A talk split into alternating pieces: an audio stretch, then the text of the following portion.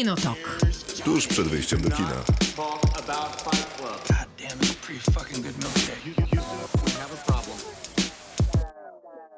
Dobry wieczór, Krzysztof Majewski. Miłosława Bożek. Maciej Stasierski, dobry wieczór. To jest bardzo To jest nietypowe nowe, wejście. nowe, nowe. Dlatego, że jesteśmy w trójkę. Chyba Krzysztof chciał to jakoś, Mm, wiesz, to jest tutaj rzeczywiście dobry celebrować. Czyli co, dobry wieczór to nie jest to słowo, którym się witamy w Kinotoku, programie o filmach i serialach, który zaczyna się teraz, a potrwa do północy, jutro będzie podcastem? Możemy się tak witać. Dobrze, będziemy w takim wypadku. Fajnie, że po dwóch latach to ustaliliśmy. Fajnie, że po ładnych paru tygodniach e, spotykamy Ja się tu w troje. że to już prawie trzy lata zaraz będą. Lata tak, ale ja teraz doceniam to, że powróciliśmy w pełnym składzie do Mm. studia. I spędzimy tu dwie godziny, a później mamy Na nadzieję, że takich. pokłócimy. E, Tak, pewnie tak, ale przerw w składzie osobowym może nie będzie. A, dobrze, nieważne. Pewnie mamy o co się pokłócić, ale zaczniemy od y, w robocie. Y, W robocie, czyli cykl No. cykliczny, jak wielokrotnie padło na tej antenie, w którym w piątki na mediach społecznościowych pytamy o coś. Tym razem pytaliśmy o kosmos. Odpowiadaliście chętnie i gęsto. Będziemy cytować najciekawsze głosy, a później dorzucimy swoje. I tak robimy co poniedziałek, bo najważniejszą częścią tego programu jesteście wy, drodzy słuchacze. Nie, nie ty i Maciek, tylko Ja biję słuchacze. brawo za tego Paulo Coelho. No. A, Znaczy, to poza tym, jako. Dziękuję. poza tym, że ja. Później będzie, będą nasze głosy, a później no, zabieramy się w kosmos, bo dlatego o kosmosie rozmawiamy, że w kinach Miau. jest, też jest kod y, w bazie Astralu, a o bazie Astralu, czyli filmie Pixara, będziemy rozmawiać na początek programu. Później no, zaczął się ten Loki. czas y, Disneya, który trafił do Polski. Mnóstwo tam e, filmów, seriali, a przede wszystkim seriali, na które bardzo długo w Polsce czekaliśmy, na wejście oficjalne Disneya. No więc plan jest taki, że przez najbliższe tygodnie, miesiące, co najmniej do Lata. końca czerwca i kawałek lipca, no spędzimy z Marvelem i Gwiezdnymi Wojnami na ustach, bo będziemy recenzować zaległe seriale. Nie, nie wiem, czy wszystkie nam się uda Chyba zrobić, nie. ale część tych, co, które bardziej nam się podobały albo jakby odbiły się szerszym echem, będziemy recenzować nadrabiając straty i to mniej Można więcej... zawsze zrecenzować 18 sezonów Grey's Anatomy na przykład. Myślałam, że z, e, powiesz o swoim zakładzie. O czym? O Supernatural, które miałeś To ma obejrzeć. większy sens. A tak się składa, że już- Prime Video poinformowało, że y, ściągają ten serial ze swojej platformy, bo Uch. chyba umowy licencyjne im się kończą i wróci na HBO Max. O, no to... Nic straconego. Nic to nie zmienia. Generalnie. W Tak, bo braku mojego czasu. Bo teraz mamy wszystkie platformy. Netflix, Netflix, Apple TV, Prime Video, Disney, HBO nie Max, wszystkie. Kanal Plus i Hmm. jeszcze pewnie parę innych można by było dorzucić. Yy, No, to taki mamy plan. Długo o Disneyu będziemy rozmawiać. Dzisiaj zaczynamy dwoma serialami, nadrabianiem. Pierwszy to WandaVision, drugi to Loki. Tak, o Loki będziecie rozmawiać sami. A coś tam dorzucisz. Nie za dużo.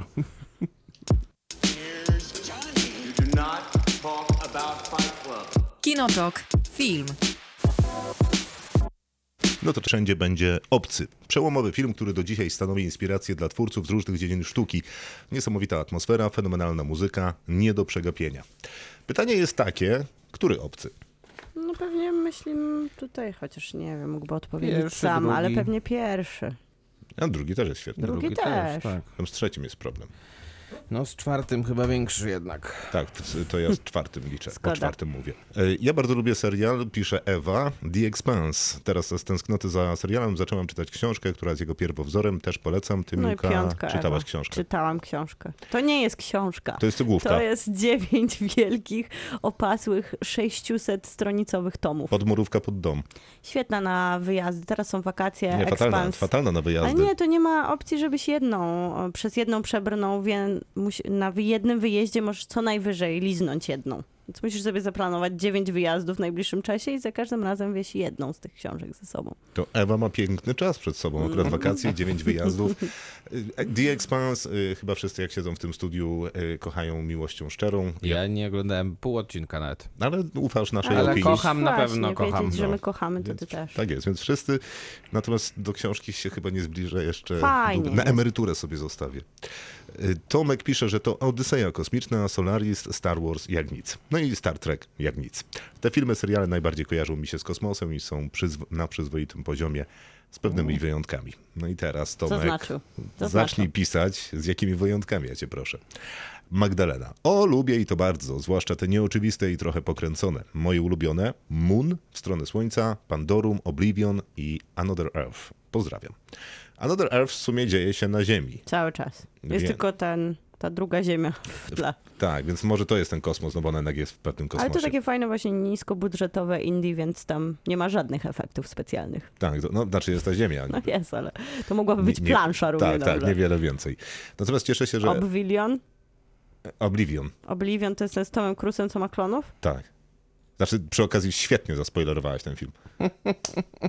Bang! Maciek, oddaj berło. No, powiedz coś o filmie Moon.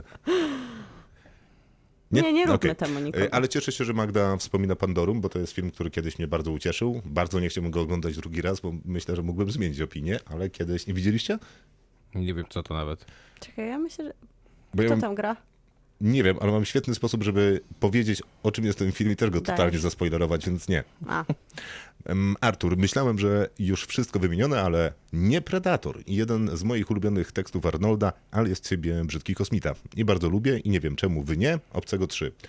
Wy sprawdzimy, który to jest Obcy 3, bo ja chyba lubię Obcego 3, tylko to czwórki Obcy nie 3 lubię. to jest film Davida Finchera. To jest debiut Davida Finchera. Tak, tak, jest, jest. Film, który został mu odebrany, przemontowany przez wytwórnię i bardzo źle potraktowany przez ten montaż.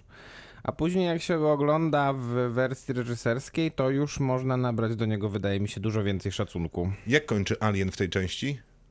Bo to się dzieje na tej... to zaczynamy dzisiaj od po prostu prezentów A spoilerowego on nie zawsze kończy spoilerów. tak samo? Tak samo, ale czy oni są na tej planecie z kopalnią, więzieniem? Tak.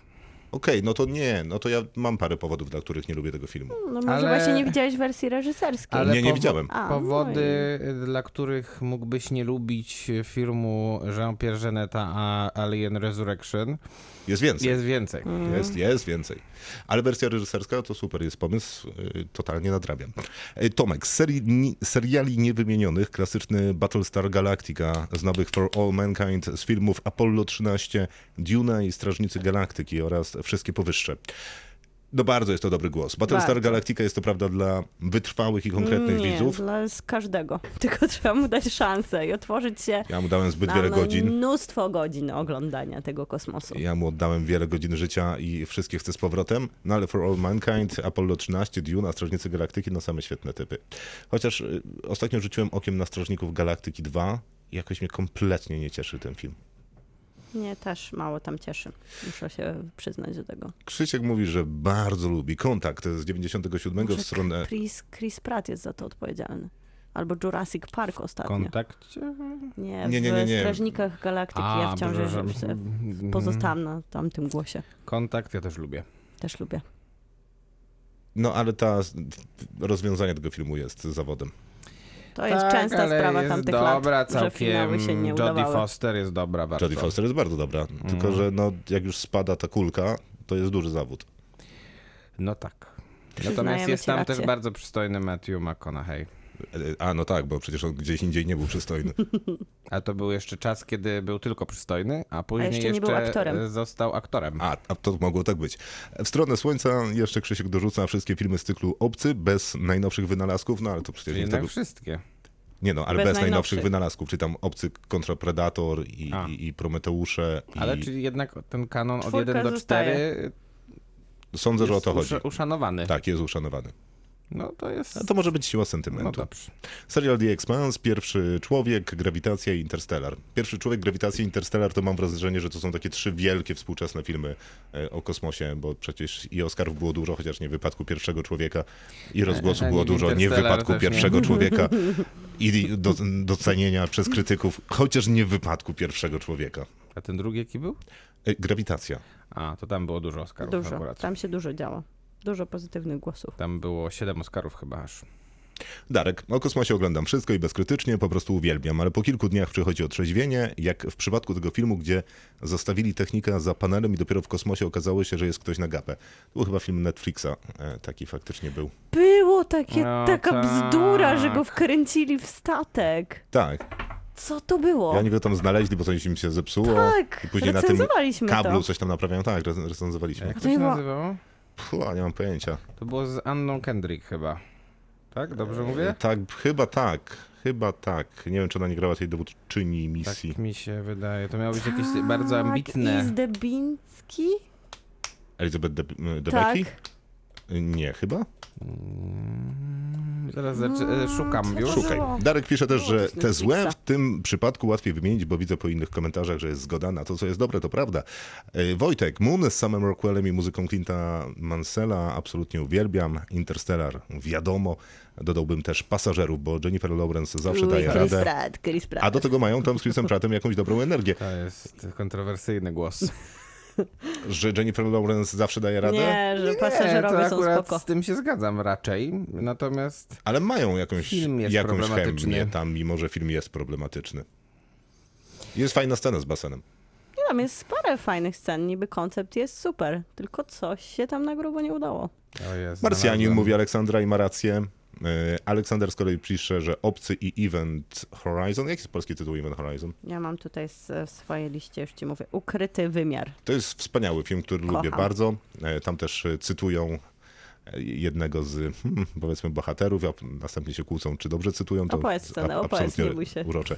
Nie, nie, nie, to, e, to jest nasz Facebook. Jak, jak się nazywa? Ten film z Anną Kendrick to się nazywa Stowaway, po polsku Pasażer numer 4.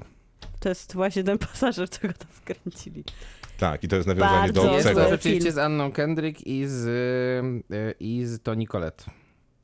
A O, reżyseruje Collette. pan, y, który się nazywa... A, to nie, Elizabeth. Debicki Nie. pomyliłeś z, Condescending się- Ona robiła taki film też dla Netflixa, jeden z tych kosmicznych, też Elizabeth bardzo Debicki? zły. Tak. Tenet? Nie, To jest taki kosmiczny. nie, to jest bardzo Ale ten, ten akurat Sprawdzę ci. reżyserował pan, który się nazywa Joe Penna, czyli ten, który wyreżyserował Arktykę. Był gościem na Nowych Horyzontach. To Mało prawda. tego, rozmawiałem z nim. Mhm. Mam zdjęcie. Najgorsze zdjęcie, jakie w życiu zrobiłem. Michał Herdes ci robił? Nie? Nie. E, Odsyłamy naszych Jak się nazywa reżyser do... pokoju? Reżyser pokoju się nazywa Lenny Abrahamson. Z nim mam zdjęcie, y, które zrobił mi Michał Hernes. Jest drugim najgorszym zdjęciem, jakie mam. Zaraz wam pokażę. Pozdrawiamy Michała. I odsyłamy do jego Instagrama. Dokładnie. Michał Hernes cytuje y, w mediach społecznościowych. Paradox e, Cloverfield. A, to też Tak, grała tam. serii- Kosmiczny, Cloverfield. bardzo zły. Tak, to prawda. I ona tam grała.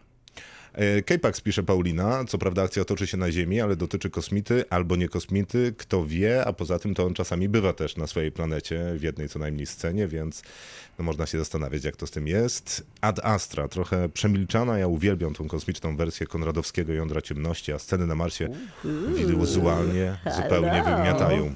To prawda, te, ten Mars Uf. jest super tam. Ale nie będziemy o tym mówić, bo już nic mądrzejszego przecież nie powiemy. Ale co, o Ad- Ad Astrze? Ja będę mówić trochę. Jest znakomita. Ja ją lubię też. Tylko nie ma sensu. Ale jest doskonała. Co nie ma sensu, że będziemy mówić w Nie, naszych Astra głosach? jako film nie ma sensu. Ach, ale sceny Zupełnie mają nie ma to sen, znaczenia. Sens. z seriali Modyfikowany Węgiel i wspaniałe w nim scenografie. Gdzie są wspaniałe scenografie w modyfikowanym węglu? To Oni siedzą te- na jednej ulicy cały czas. No to jest ta ulica i ten hotel, myślę, że o to chodzi. Okej. Te, które Netflix wykorzystał nawet w polskiej produkcji. Okay. W której? W, w... 1800, 1983, tak. Mhm, mhm. The Hundred. W zasadzie nie wiem czemu, bo to zły serial, ale namiętnie go wałkowałam. Pozdrawiam. Co jest The Hundred? No to jest serial taki o kosmosie, gdzie bardzo dużo przystojnych y, mężczyzn i atrakcyjnych kobiet. kobiet i mężczyzn. Dzieci zostają wysłane na planetę Ziemia, która została skażona wcześniej przez oczywiście ludzi, więc była Nie, katastrofa ekologiczna. I te dzieci muszą sobie na tej Ziemi poradzić. Oczywiście tam okazuje się, że trochę ludzi przeżyło, a głównie to jest teen drama, romanse, trójkąty i łzy. No lekko mówiąc nie ma szału. Brzmi super. I dzisiaj nadrabiam. Kinotok. Film. No to czas na naszą część y, w robocie. Kto to będzie zaczynał? No nie no, zadaj pytanie. No dobrze. Czy filmy o kosmosie były w waszym... Nie, dobra, to nie tak. Czy filmy o kosmosie były ważne w waszych życiach? My się tu droczymy jak dzieci, bo przypominamy sobie naszą przygodę z kosmosem. Pokaż, Maciek, nie, nie kartce. pokażę Mhm. ci. Zaraz się nie, dowiesz. no pokaż. Aha, Nie. dobra. Y, tak. Tak. Dlaczego? Gdyż... Bo z ojcem roz- oglądałem Pozdrawiamy Gwiezdne. Wojny Rozumiem, niezła odpowiedź. w, Miłka? w, w dzieciństwie. Dziękuję. Miłka? Tak, bo dużo czytałam science fiction i fantastyki, więc to się przekładało też na kino. Ja nigdy nie czytałem, więc jakby tutaj jestem usprawiedliwiony. Macie Ja sci- science fiction raczej, raczej też nie czytałem, chociaż trochę pewnie przeczytałem. Natomiast filmy bardzo chętnie. Zabieranie się na inne planety to moim zdaniem jest y, esencja kina i po to się do niego chodzi, żeby przenosić się w inne światy, a niektóre filmy robią to wspaniale. Więc do kina tym chętniej na takie, które lecą w kosmos filmy. I kto będzie zaczynał? No Miłka ma tutaj taką, nie wiem, wydrukowała sobie Bo nie mam dzisiaj 16 komputera stron. i jest mało ekologiczna i tak, proszę bardzo, słychać notatki? Jesteśmy w radiu, ale chyba słychać. No, czy, no, Hmm? jak dobrze poszeleścisz, to słychać. Słabo szeleścisz moim zdaniem, ale no, Dobra, widzę, że muszę Dobra. zaczynać.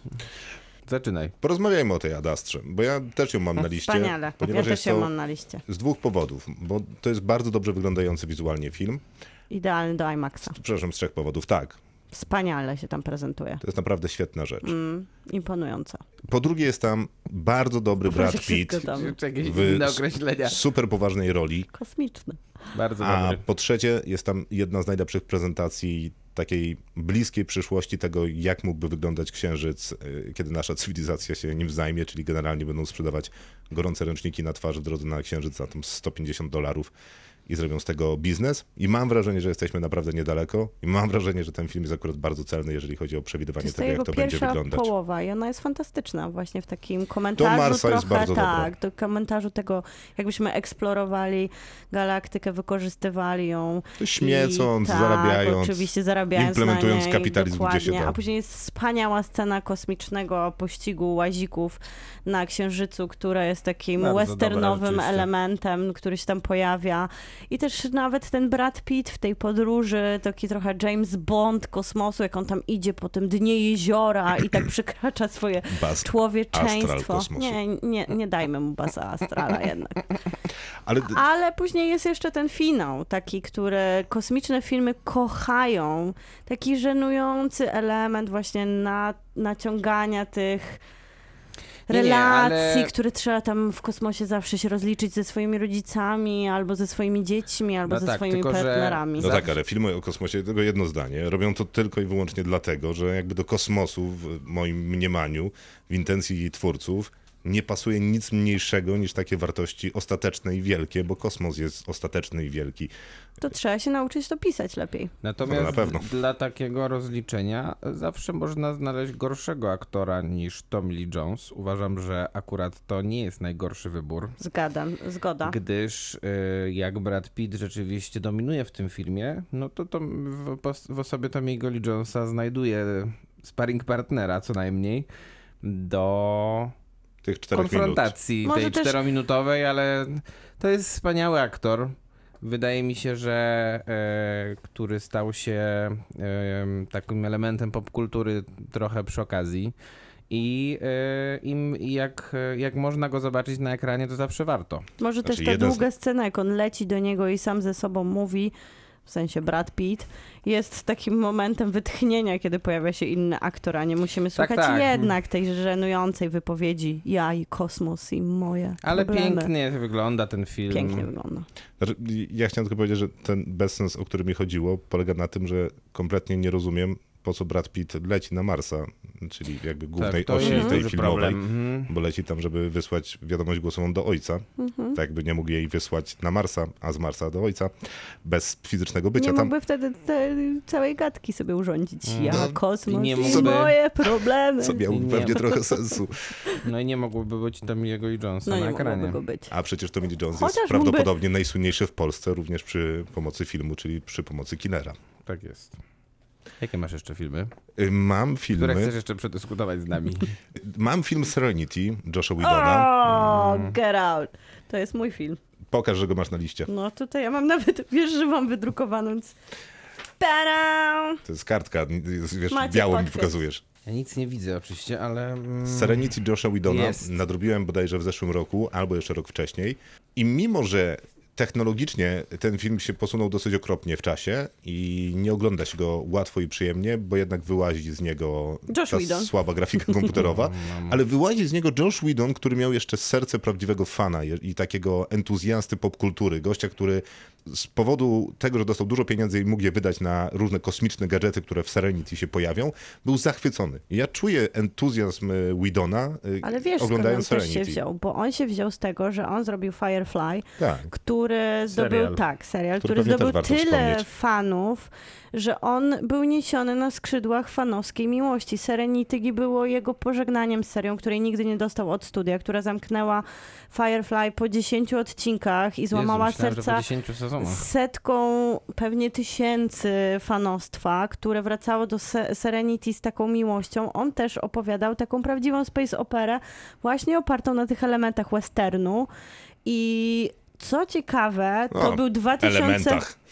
Do, Firefly było ich dużo, a Serenity trochę z niego zrezygnowała. Nie, Serenity jest czysty western przecież Tak, ale oni tak postanowili trochę mroczniej, zrobić trochę smutniej, bo się żegnali z serią. Firefly miało mnóstwo takich elementów i akcentów komediowych, które Josh Whedon kocha, ale właśnie ciekawe jest to, co mówisz o, tej, o tym, że film się brzydko zestarzał, bo to był 2005, dokładnie jak Moon, który został wspomniany przez naszych słuchaczy. Ten sam rok i Moon się nie zestarzał brzydko. To jest film, który się broni po latach. No tak, Oczywiście ale wiadomo, że też jest zupełnie inną narzędzia. narracją, narracją i do tam- opowiadania. Jest tam tylko sam Rockwell i tylko jego księżyc i tylko jego wyobraźnia. Kevin I Spacey w głos sumie. Kevina No i Spacey. głos, no ale głos. To się akurat zestarzało. To się To się brzydko zestarzało, zestarzało, to, to się prawda. zestarzało. Dlatego Ale, pewnie jakoś specjalnie o tym K-Paxie nie będziemy rozmawiać. Mm, pewnie nie.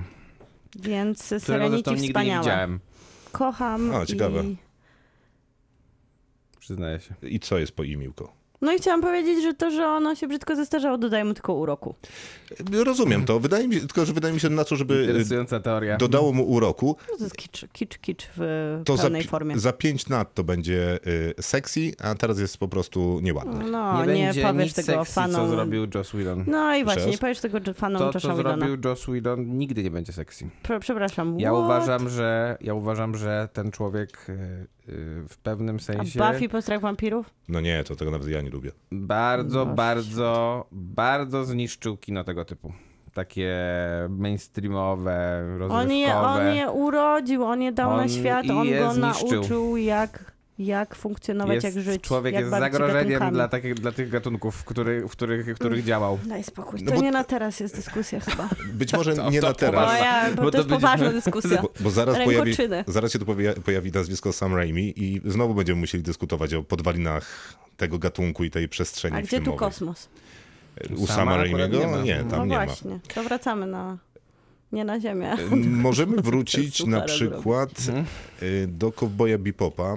Bardzo No mnie pięknie. obraził serial Netflixa y, aktorski y, o słynnym y, Bounty Hunterze z kosmosu. Też z westernowym oczywiście drgiem. Bardzo, ale też Bardzo. takim inteligentnym odniesieniem do przeszłości naszej ziemskiej, bo to w dalekiej przyszłości się dzieje. Te nawiązania są bardzo dobre, jest tam bardzo dużo dobrego jazzu przy okazji, ale mówimy tutaj o oryginalnym anime, czyli animowanym serialu, a nie o aktorskim. Proszę go nie oglądać, naprawdę jest bardzo zły. Natomiast y, animowany jedna z największych przyjemności najpierw mojego dorastania, a później świadomego dorosłego życia, bo wracałem do tego serialu wielokrotnie i jest naprawdę świetny. W zeszłym roku wyszedł y, też znakomity film o kosmosie, który okazał się być na Ziemi. To ucieczka na Srebrny Glob. E, Film, który sprawił mi naprawdę bardzo dużo przyjemności, e, czyli opowieść o filmie na Srebrnym Globie Andrzeja Żuławskiego, który był tak zwanym słynnym pułkownikiem, spędził kupę czasu na, odstawiony przez cenzurę na półkę, nigdy niedokończony film, chociaż całkiem niedawno dokończany z dogrywanymi scenami. Można go było zobaczyć na jakichś wybranych pokazach przy okazji wybranych festiwali czy organizowanych takich pokazów specjalnych. A na Srebrnym Globie opowiada o słynnej historii powstawania tego filmu, a to była bolesna, bo aktorzy zgłaszali po filmie jakieś ciężkie przypadki PTSD, tego rodzaju rzeczy. Ale taka trochę też niestety stworzona przez Andrzeja Żuławskiego. Sytuacja. Tak, tak, nie, nie tak, tylko no bo- na I tym, wymyślona nie tylko legenda też trochę planie, przez ale niego. też nie tylko na tym planie. Tego, y, tych trudów na planie? Tych trudów nie na planie, tylko tych trudów związanych z władzą, która nie chciała mu pozwolić na ten film do końca. Y, No, no to prawda, film sugeruje y, taką, taką, taką odpowiedź, jak mówisz, no ale faktycznie robi wrażenie, bo Andrzej Żuławski jako taki reżyser totalny faktycznie spędzał, chociaż bardziej jego obsada i technika, w Wieliczce na dnie kopalni y, grube dni, następnie wracali do domu, żyli w ciemności tam chyba przez tydzień, starając się uzyskać jakiś tam odpowiednio kosmiczny efekt. No Powiedziałbym, że to mitomania jednak, a nie totalność reżysera, ale Dzisiaj, to. dzisiaj tak, 40 lat temu nie. No możliwe, że masz rację. ale myślę, że to dobrze. Żeby to Okej. była jednak rozmowa, Miłka, coś podrzucisz? Ja to ja może podrzucę do tego Miłka dużo ma. tropu ma westernowego. jest ten western e, często wykorzystywany, jeżeli chodzi o kosmos Mhm. i jest to przyjemne, żeby tak to łączyć. I on się pojawia w też super filmie Perspektywa, gdzie oglądamy Pedro Pascala, Tak jest. którego oglądamy też w Mandalorianie, który jest wybitnie, jeżeli chodzi o western, westernowy. Akurat słowo oglądamy w kontekście W Mandaloriana się i. Pedro Pascala to mocne A. słowa. W tym sensie tak, bo Pedro Pascal nosi przez cały swój występ aktorski kask. Kask? Hełm. A, Hełm. Uf. Lepiej Dziękuję, hełm. hełm. Więc nie widzimy Pedro Pascala, ale w perspektywie go widzimy i to też jest taki fajny film, który odczarowuje to, że to, co mówiliśmy przy okazji Ad Astry, czy jest też przy okazji Interstellar, to, czy przy okazji grawitacji, to łzawe, średnio napisane rozliczanie się z bliskimi, na przykład w formie z opadającej łzy w grawitacji, czy no właśnie takiej dosyć trudnej końcówki w In- Interstellar. I tutaj w perspektywie Pedro Pascal, Sophie Thatcher są um, ojcem i córką i udaje się im znaleźć tą Oczywiście są w kosmosie. Udaje im się Hmm. znaleźć tą perspektywę ładnego, ładnego Stąd łączenia. tytuł. Dziękuję Maciek, że wychwyciłeś. Ale też bardzo lubię horrory, słuchajcie, które się dzieją w kosmosie. Dzisiaj przeczytałeś w Stronę Słońca. Danny Boyle połączył slasher Och, z nienawidzę. kosmosem, ale on jest jednak w tym gatunkowym miszmaszu świetnym takim punktem wyjścia. I później Ukryty Wymiar, Event Horizon, który jest takim przykładem tego kina, które bardzo często nie udało się w liczbach, w widowni i w przyjęciu krytyków w czasie, kiedy było wyświetlane i Event Horizon nie podobał się wtedy, a po latach zdobył miano kultowego i po prostu udało mu się w końcu być oglądanym w tej formule, w której chyba Ivan Horizon pisał scenariusz Alex Garland, prawda? tak. Nie, Alex Garland pisał do W stronę Słońca, bo on z danym Tak. tak. Boylem współpracował wcześniej Tak, też tak, przy Sunshine, niebiańskiej, tak, dobrze, dobrze, dobrze, niebiańskiej plaży. Ja mam jakiś problem z myleniem tych dwóch filmów. Że to one ci się kojarzą? Even Horizon i No Sunshine. i oba, bo oba są horrorami w kosmosie. A nawet te statki są podobne. Tak, są podobne. Tylko, że, Tylko, że lata No. są bardzo różne chyba. jeszcze takim filmem, Stary który film się... dość jednak z 97 roku. A I ten na przykład się y, y, nieźle zestarzał, To, naprawdę. Even Horizon tak. się dobrze zestarzał. Tak. Stronę Słońca dawno nie widziałam i zastanawiam się, Ja oglądam ale... je w pakiecie, pewnie dlatego też mi się mylą. I co, też się dobrze zestarzał? Widziałem może ze trzy lata temu. No i jest też film, który się nie obronił, kosmiczny, w tym czasie, kiedy był wyświetlany, a to Żołnierze Kosmosu, ale Eee. jest inny film, który Paula Verhoevena się obronił i to była Pamięć Absolutna, która No, zarobiła mnóstwo pieniędzy. Arnold Schwarzenegger wtedy w roli głównej, on był na szczycie kariery, więc to kosmiczne kino było idealnie zrealizowane. Prawdę powiedziawszy, mieliśmy przyjemność w trakcie pandemii, wtedy Kino Nowe Horyzonty we Wrocławiu miało taki pomysł, żeby się utrzymać, wynajmowało siebie prywatnie i można było wejść na salę ze znajomymi, oglądać film włas- Tak, przez siebie wybrany. Mhm. Tak. I właśnie e, Pamięć Absolutna była Ja naszym tylko filmem. zaznaczę. Dzięki, że daliście znać. Daliśmy ci znać. Ale Słuchaj, ale to twój brat, twój brat nie, z Za którym oglądałam i miałam Chciałem przyjemność tylko być w kinie. przypomnieć, że Pamięć Absolutną można było też obejrzeć kiedyś na festiwalu I ty oglądałeś, prawda? Mo- Mo- Nowe Horyzonty. A to była... y, y, To była tak zwana sekcja Nocne szaleństwo? dotycząca języka filmowego i w, przez ka- w każdym roku w tej sekcji opowiadano o innych rzeczach i to był akurat rok, w którym opowiadano o tym, jak się zmieniały efekty wizualne czy efekty specjalne. No, trzeba przyznać, To że akurat w specjalne. pamięci absolutnej są one niesamowite. Tak samo jak w Żołnierzach Kosmosu, którzy dostali bardzo dużo nagród zero. Za efekty Z- specjalne. Z, tak, za efekty specjalne zero, poklasku publiczności po latach dopiero. Nie ale wiem, czy pamiętacie To film Hot Shots.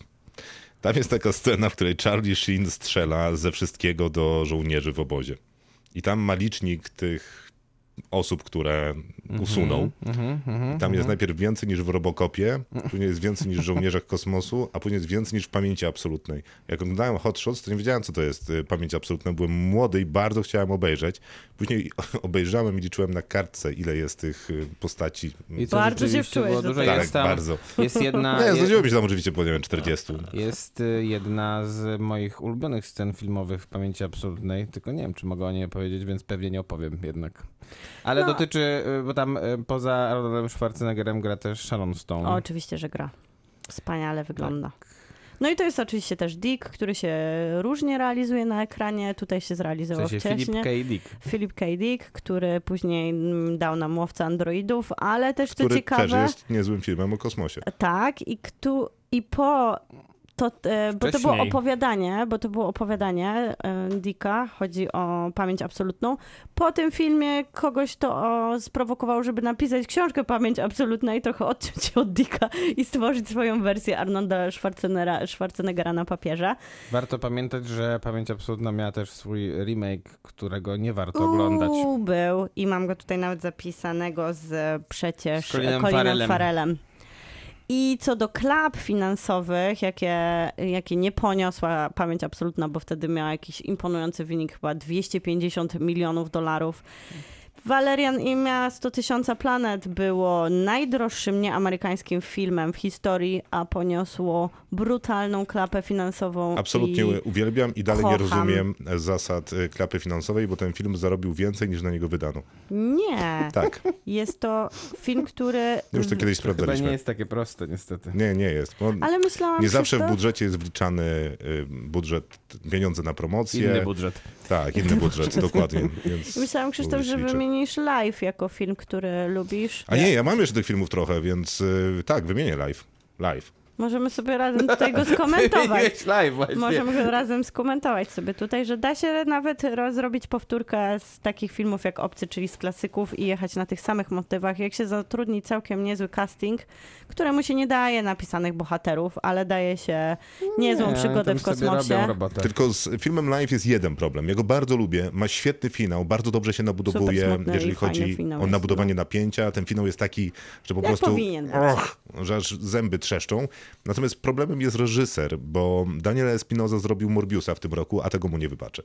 Ach, to ten sam. Tak. Ale to można. Hmm. w- Wtedy nie było wiadomo, Nie wiedziałeś, że w którą robił. stronę zmierza jego ścieżka reżyserska, To więc prawda, wtedy live było, jeszcze można lubić. wtedy było znakomicie. Ale dziwi mnie, że co najmniej dwa filmy nie zostały wymienione przez naszych słuchaczy, którzy wiedzą więcej o filmach niż my, co już dawno ustaliliśmy. Tak jest. E, czyli Dystrykt 9. Mhm. No ale to się w kosmosie dzieje? No ale są kosmici. No ale to inaczej Bardziej, chyba ele- e, bardziej Elysium się No to dzieje okej. w kosmosie Tak, niż y, tak. Dystrykt 9. W takim wypadku Elysium też jest y, dobrym typem do Jest. wymienienia, bo Matt Damon trochę dźwiga ten film na barkach, ale ma A bardzo, ma bardzo dużo barki. tak, a, a nawet w pewnym momencie mechaniczne, Jest jakaś woda tutaj? Przepraszam. Dobrze. mm. ale jednak jest to bardzo ciekawa dystopia na temat Ja przyszłości, znaczy jak to dystopia, ale na temat kosmosu e, i fajnie to wygląda, jak to... Ja, to te- się ociera o też, takie filmy klasy też lubię ten Z, film. B. co Ja pa- nazywam Z, ale B jednak. Elysium? No. Nie, Nie, nie, to zbyt nie, duże nie. pieniądze były. Nie, nie, nie. Natomiast ja, ja też lubię ten film, natomiast uważam, że w przeciwieństwie do kontaktu, tutaj prawie Jodie Foster udało się utopić ten film, bo ona jest tam fatalna. Fatalna. Zwłaszcza, że to ma taką małą rolę. e, No Tam ale on ma też tam... fatalny finał, prawda? Tak, finał jest nie najlepszy. wymazałam. Z... Natomiast przeciwnik Mata Damona jest bardzo dobry, ten taki um, agent, który jest na ziemi, który niestety nie pamiętam przez kogo jest grany w tym momencie. Pewnie przez to Copleya w każdym filmie. Eee, Nila Nila Blomkampa. Żal E, mi No też, i jeszcze przy okazji, to zamykając tylko wątek Nila Blomkampa, bo widziałem, że chyba na Netflixie można nadrobić e, te jego krótkie e, formy, które robił, kiedy liczył, że dostanie reżyserię następnego Aliena Mhm. i to jest bardzo dobre. Może nie wszystkie, a chyba są cztery albo trzy, ale jedna mi zapadła w pamięć była bardzo dobra, więc myślę, że warto spojrzeć, jeżeli ktoś lubił Dystrykt 9 i Elysium. A drugi film, o którym chciałem powiedzieć, że zdziwiłem się, że słuchacze nie wymienili, to jest o kosmosie, bo jednak są tam kosmici i nazywa się Arrival Denisa No tak, ale on tak, się tak, dzieje też cały chciałem na o tym Ziemi. powiedzieć. No ale wiesz, kawałek kosmosu przywiózł ze No sobą. ale to obcy bardziej. Myślę, że słuchacze pomyśleli sobie, że kiedyś ich zapytamy o obcych w robocie i zostawili sobie Okej, to okej, na inny nie, w temat. porządku, w porządku. Ja sobie myślę na przykład, że żal wychowane przez wilki, bo drugi sezon chyba serial zabił i przez to już nikt nie wspomina świetnego pierwszego sezonu, Zdjęli który... go w ogóle. Zdjęli, no, tak, tak. zdjęli, zdjęli, k- który dzieje się w kosmosie, jest fantastyczną opowieścią w pierwszym oglądał. sezonie. Dużo osób się chyba odbiło po kilku odcinkach, po prostu rzuciło ten serial, nie, nie przyjęło tej nowej formuły, która też zupełnie odstawała od e, oryginału, czyli od pierwszego sezonu. No zabrakło jednak pewnie Ridleya Scotta. Zabrakło, i zabra- ale zabrakło też co ciekawe scenariusza. Tam było Mm. dużo takich ciekawych wątków poruszanych, a tutaj się zrobiła telewizja sci-fi. No, Ridley Scott jest jednak ważny w kontekście kina dotyczącego kosmosu, bo wspomnieliście już Łowca androidów. tak, ale też przecież wspominany przez e, słuchaczy Marsjanin jest e, przy, mo- przy pewnych uwagach i takiej letniości tego filmu wydaje mi się, że jest filmem mimo wszystko udanym i tutaj No też, też ukłony dla Mata Damona, który jest rewelacyjny w tym filmie, bo na nim jest skupiona uwaga przez 99% czasu i on jest w stanie swoją charyzmą tę uwagę jednak skupiać, więc to jest duże osiągnięcie, wydaje mi się. I coś miałem i oczywiście mi uciekło. Dlaczego tak zawsze musi być? A, nie, dalej nie wiem. A, Dzień Niepodległości? E, No Też to mało w kosmosie, no, ale... mało w kosmosie, jeżeli nie wcale. No ale Apollo 11, Wall-E to takie filmy, które na pewno by było trzeba Armageddon. wymienić. Armageddon oczywiście. E, I ja jeszcze... Apollo to był 13, To był 13. nie 11. Y, tak, to prawda, ale był chyba dokument Apollo 11, Tak. y, to też było niezłe. A, już przy- przypomniałem. Ym, też nie w kosmosie do końca się dzieje ten film, chociaż są sceny w kosmosie związane z postacią, która, która kosmonauty, który się nazywał John Glenn, a film się nazywa Ukryte Działania. Mhm. O trzech ym, czarnoskórych matematyczkach, które e, doprowadziły do tego, że Ameryka mogła się włączyć w podbój kosmosu ze Związkiem Radzieckim.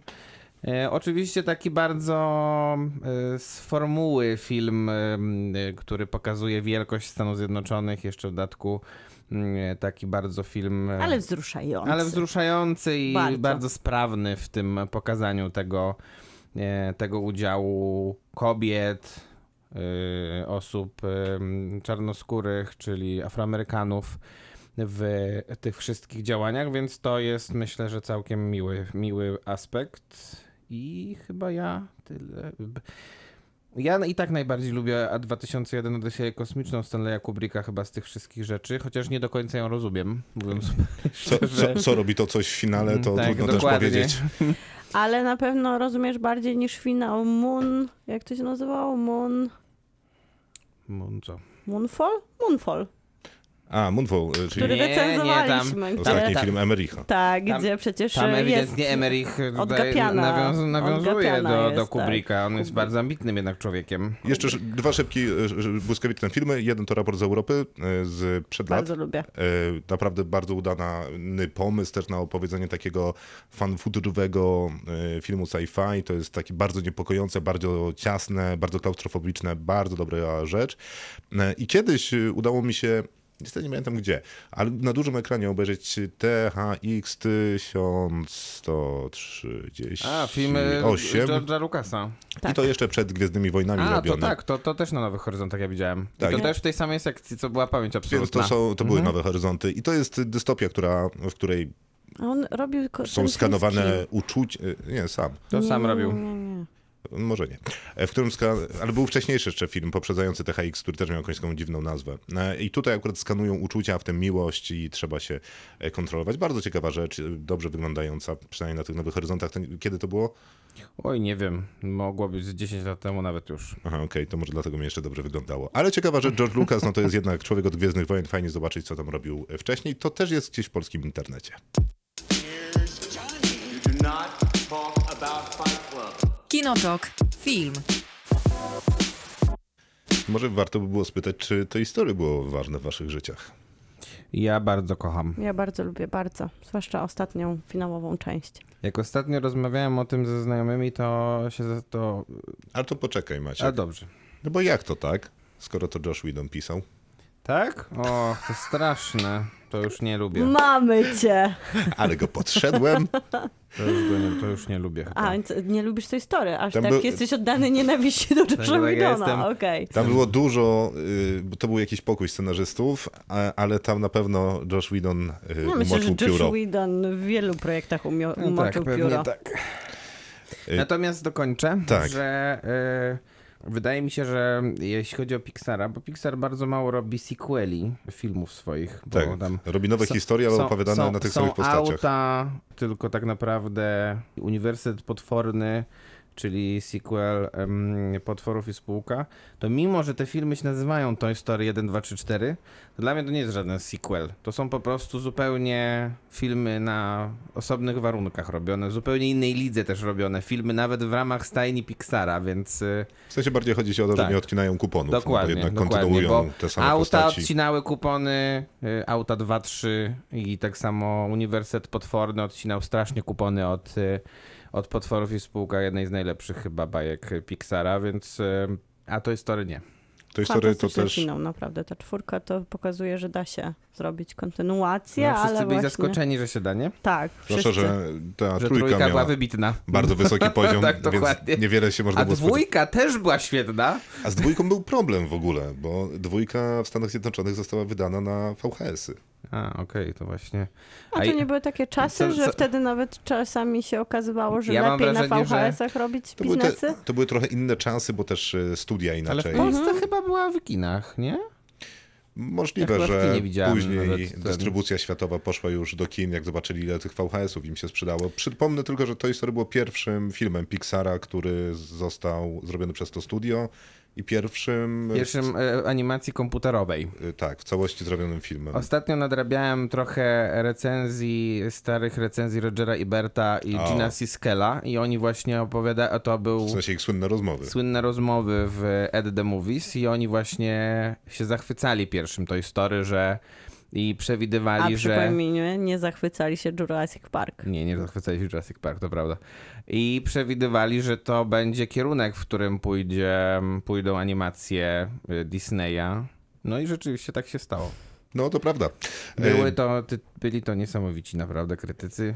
Bo Pixar faktycznie jest częścią Disneya, a później wykupowany przez Steve'a Jobsa, a później przejęty ostatecznie przez I Disneya mamy i teraz swoją zakładkę częścią. na platformie, która trafiła do nas dopiero 14 czerwca tego roku, gdzie mamy zakładkę Pixar i nawet można tam było Tak, oglądać już To nie już film, który tak. jeszcze był w kinach w Polsce. Pojawił się już y, z premierą platformy też u nas. Natomiast y, To nie wypanda, to, to jest zwykle taki film, y, to jest tak, to jest tak jak, jak się nazywa ten film, tego kurczę, teraz nie pamiętam, ale Pixar wypuszcza zwykle dwa filmy rocznie, y, z czego jeden jest Jeden taki jest rozgrzewkowy, a drugi jest pod Oscary i ma być takim wielkim hitem. I w tym roku Buzz Astral miał być tym hitem pod Oscary, a To nie wypanda miało być takim... e, przy, takim rozgrzewkowym filmem na początek roku. No i mam wrażenie, że chyba będzie odwrotnie.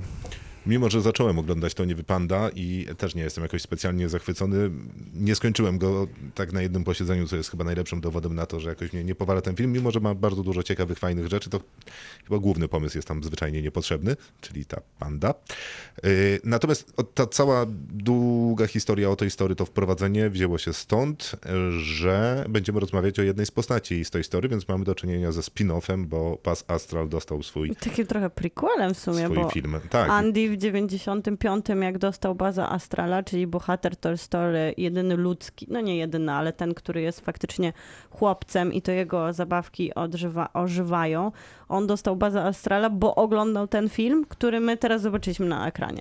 Co mnie trochę boli w tym bazie Astralu, że nikt mi tego nie mówi. Mnie też to boli i boli mnie też trochę to, że w tym 95 W sensie nikt to może mówi, to trochę inna narracja była. No, nikt mi nie mówi, skąd się wzięła ta historia. Y, Przez co trochę traci dla mnie budowanie świata w bazie Astralu. Przez co mam faktycznie wrażenie, jakbym był w sklepie z zabawkami i dostał zabawkę, a tam na odwrocie pudełka jest napisane, że Baz Astral to jest y, strażnik kosmosu i ma fajowe przygody. I tyle mniej więcej ten film daje mi historię o swoim świecie. No nie Ale wiem, on- problem chyba jest też taki, że nie ma fajowych przygód. Nie w tym filmie. On się też odcina trochę od serii, na przykład zmieniając głos swojego bohatera. Tim Allen przez lata, te wszystkie cztery części, które oglądaliśmy, Toy Story, był bazem astralem w takiej trochę właśnie wersji zarozumiałego, momentami głupkowatego bohatera. Też starszego. Który tak, który jest o, jakby w tym całym swoim patosie, który funkcjonuje w jego wypowiedziach, no jednak się ośmiesza momentami, zwłaszcza dla tych starszych widzów. A tutaj postanowiono, postanowiono opowiedzieć taką historię prawdziwego superbohatera, więc on nie może mieć komediowego głosu, więc jest to Chris Evans. Więc musi być by- Kapitan Ameryka. Oczywiście Kapitan Ameryka, ale w polskiej dubbingu to też się zmieniło. Łukasz Nowicy, Nowicki był Bazem Astralem w Toy Story, a teraz mamy Konrada Darocha jako tego poważnego, faktycznego superbohatera. No, niestety nie wiemy, jak. No niestety nie wiemy. jak brzmi Chris Evans, y, ponieważ w Polsce film jest pokazywany tylko i wyłącznie w dubbingu, tak mi się I wydaje. Ja nie znalazłem. Ja Nie sprawdzałam wszystkie kina we. Wrocławiu i nie ma możliwości zobaczenia go Nie, bez nie ma, pewnie będzie, pewnie dopiero jak będzie na Disney Plus, to pewnie będzie można obejrzeć. Chociaż w sumie nie sprawdzałem, czy to nie wypanda jest w wersji oryginalnej na Disney Plus, więc, y, więc nie wiem, czy to nawet jest dobre założenie. Natomiast Chris Evans jest całkiem niezłym wyborem. No jednak ten Baza Astral jest właśnie takim idealnym amerykańskim żołnierzem. No to skojarzenie z Chrisem Evansem po jego dokonaniach jako kapitan Ameryka w Marvelu, no to się klei. To jest jakiś... A nie sądzisz, że trochę by się tu przydało dystansu do takich bo to- patentycznych e, wypowiedzi? Bo myślę, że jakby był ten dystans, to troszkę lepiej byśmy przełykali te ciągłe. mm, Na, tutaj jednak wykłażane na poważnie truizmy przez Baza, No które rozumiem to, wcześniej były wyśmiewane, a teraz ale no tu masz inny po prostu y, ten humorystyczny akcent. Taki lazy. Czyli, no nie wiem, czy Nie, no, lazy. kotek nie jest dostajesz, On dostaje towarzysza w postaci psychologa opiekuna, czyli właśnie mechanicznego, robotycznego kota, który w zasadzie robi ten film. który robi ten film do połowy, bo później już, e, już nawet ten najsłodszy bohater nie jest w stanie swoimi maciukkimi robołapkami uratować nastroje, które opadają. E, Historia jest taka, że Baza Astral ma swoją to, towarzyszkę, z którą trafia na planetę w wielkim statku, który nazywają Rzepa, bo faktycznie tak trochę do Rzepy podobny. Nie, nazywają go bro, bro, Broku. Nie. Nazywałem go Rzepa. Tak? On nie Kalarepa? jest... Kalarepa, o, dziękuję. Okej, może być Kalarepa. Trochę inaczej kalarepa niż rzepa wygląda i to... Tak, bo Rzepa jest podłużna. Tak, Na a pewno- kalarepa jest Na okrągła. pewno nie wygląda jak Broku też. Nie wygląda jak broku. Kalarepa ustalona. Lądują na y, planecie, bo dostali informację o tym, że ktoś tam potrzebuje pomocy. Na miejscu są atakujące ich rośliny. No i z powodów różnych y, statek się rozbija i potrzebują wybudować nowe paliwo, które będzie zasilało ten statek. No i to im się po jakimś tam czasie udaje. Baza Astral musi testować to paliwo, czy osiągną ten light speed, czyli to imię Baza Astrala faktyczne. W... Ważne jest tu, że robi to z wyrzutów sumienia. I ze swojej odpowiedzialności za statek. źle Te- testuje. ulokowany, Mhm. bo on ma takie poczucie, że jest takim żołnierzem idealnym i to on powinien wszystkich uratować, więc próbuje i próbuje. No i przez to, że on blisko prędkości światła lata, to czas na tej planecie, z której startuje, przewija się szybko, a jemu bardzo wolno. Więc wszystkie te ważne dla niego osoby m, powoli odchodzą i zastępują, e, są zastępowane przez ich potomków. I jest tam jakaś historia o tym, że przyleciały roboty, ale ja już straciłem trzy razy zainteresowanie w trakcie oglądania Bo tego to jest filmu. ciekawe, że ten film Mhm. przez pierwszą połowę, nie nawet nie, chyba pierwszą, No jedną 20 trzecią, minut. no pierwsze może 20, 30, 30. minut, ma z jednej strony coś, co się dobrze teraz złożyło w czasie, czyli premierę Top Guna, który ma całkiem wiele wspólnego z tą pierwszą sekwencją Baza Astrala, czyli mamy tego bohatera amerykańskiego, Toma Cruza, ucieleśnionego fizycznie w filmie fabularnym, który ciągle powtarza ja mogę, ja mogę, ja zrobię, ja sam zrobię, ja uratuję całą misję, ja uratuję wszystkich. Nawet ten, ten, ta taka scena, w której Baz pod, jakby pode, podejmuje się sam odpowiedzialności ponosi porażkę, ma wiele wspólnego z Top Gunem, bo jest to takie unoszenie jak w tej misji. Po czym jest właśnie Zawsze ten... jest dobrze wspomnieć Top Guna. Zawsze. Mhm. I później jest ten, ten element komediowy, który się pojawia, czyli ten kotek, który nas zaskakuje i wprowadza bardzo dobre nastroje. Mhm. Aż do punktu, kiedy przestaje się dziać cokolwiek, a robi się wręcz momentami żenująco. No coś tam strzelają i coś tam przenoszą. Ale żarty Coś są tam słabe. I nudzą, I nudzą strasznie. Bardzo. Jest taki, jest taki problem z Pixarem, że Pixar ma niewiarygodną umiejętność opowiadania tych samych y, historii, opierając się na tych samych toposach. To jest y, dla mnie fenomen, który udał się Disneyowi z jego księżniczkami, bo to są zawsze te same historie z bardzo podobnymi charakterami i bardzo podobnie rozstawionymi akcentami dramaturgicznymi. Udało się to Marvelowi, który wymyślił ten swój mechanizm e, patos zabijać poczuciem humoru i udało się to Pixarowi, który w jakiś sposób tak y, budował postaci i one przechodziły taką przemianę, że mimo tego, że było to dla nas najbardziej naturalne, że one robią to, a nie cokolwiek innego, i wiedzieliśmy, co z nami ten film robi, to i tak na końcu płakaliśmy.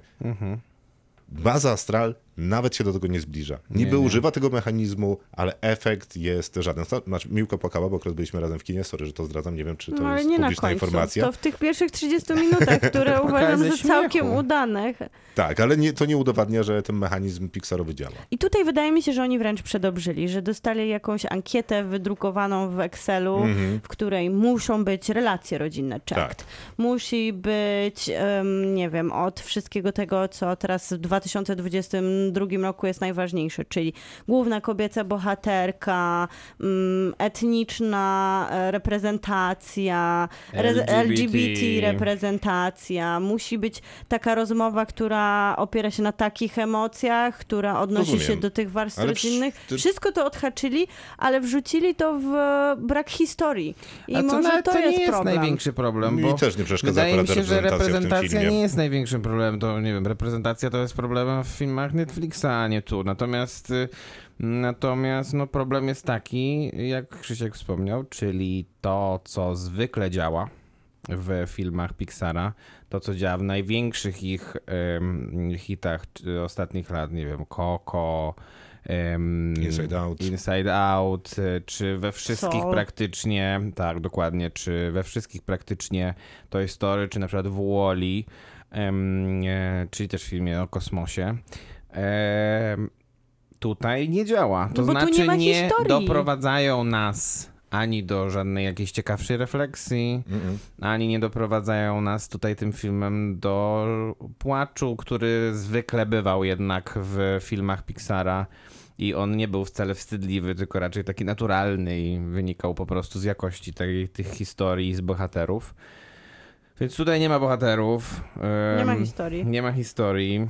O, ale jest coś, Jest co... humoru, humor jest słaby, y, to też jest zaskakujące, no bo tutaj humor jest jakby skoncentrowany w pierwszej części, w pierwszym, w pierwszych 30 minutach na postaci tego kota, e, która, i ten humor jest naturalny, a później jest skoncentrowany na postaci takiego fight łapy, którego w, zresztą czytam, że w wersji amerykańskiej dubbinguje oczywiście Taika Waititi, bo któż by inny. e, Taika Waititi gdzieś na podium stoi z Joshem Whedonem i tam się Tak, przepychają, kto, E, kto wygra. I, no i, i tutaj już mamy problem, bo każdy jeden żart, który jest napisany wokół tej postaci jest beznadziejny. No jest momentami nawet żenujący, ale oni też, ja uważam, że tu nie ma tej historii, bo oni z jednej strony postanowili wyczerpać te wszystkie Excele, później popatrzyli trochę na filmy kosmiczne, o których dzisiaj rozmawialiśmy i jest tam ten motyw Nie, ja tego, przepraszam, ale żeby nie było spoileru, jest tam ten motyw tego bohatera, którego Buzz spotyka, żeby nie spoilerować.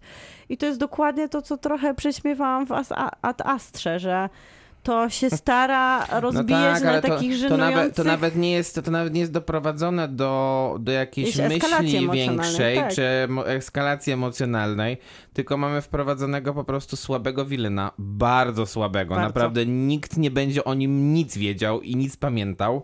E, a, tym, a to jest pewnie też rozczarowujące z punktu widzenia amerykańskiego widza, bo z kolei tego Wilna gra mm, e, dubbinguje Josh Brolin, czyli aktor, który zdubbingował prawdopodobnie jednego z najlepszych wilenów ostatnich lat. albo dwóch. E, albo dwóch, e, czyli Thanosa w, mm, e, w Avengersach. I tego kogoś w Deadpoolu. Tak, tego, i tego Cable, jakiegoś gaja w Deadpoolu. Więc no. Tam się nie dubbingował, człowiek, tam nawet był. Człowiek jest specjalistą od takich ról i umie na pewno w e, takie postaci tworzyć. E, Myślę, że on tutaj też nie miał roboty, a w polskiej wersji masz kto go dubbingował? No, no właśnie to.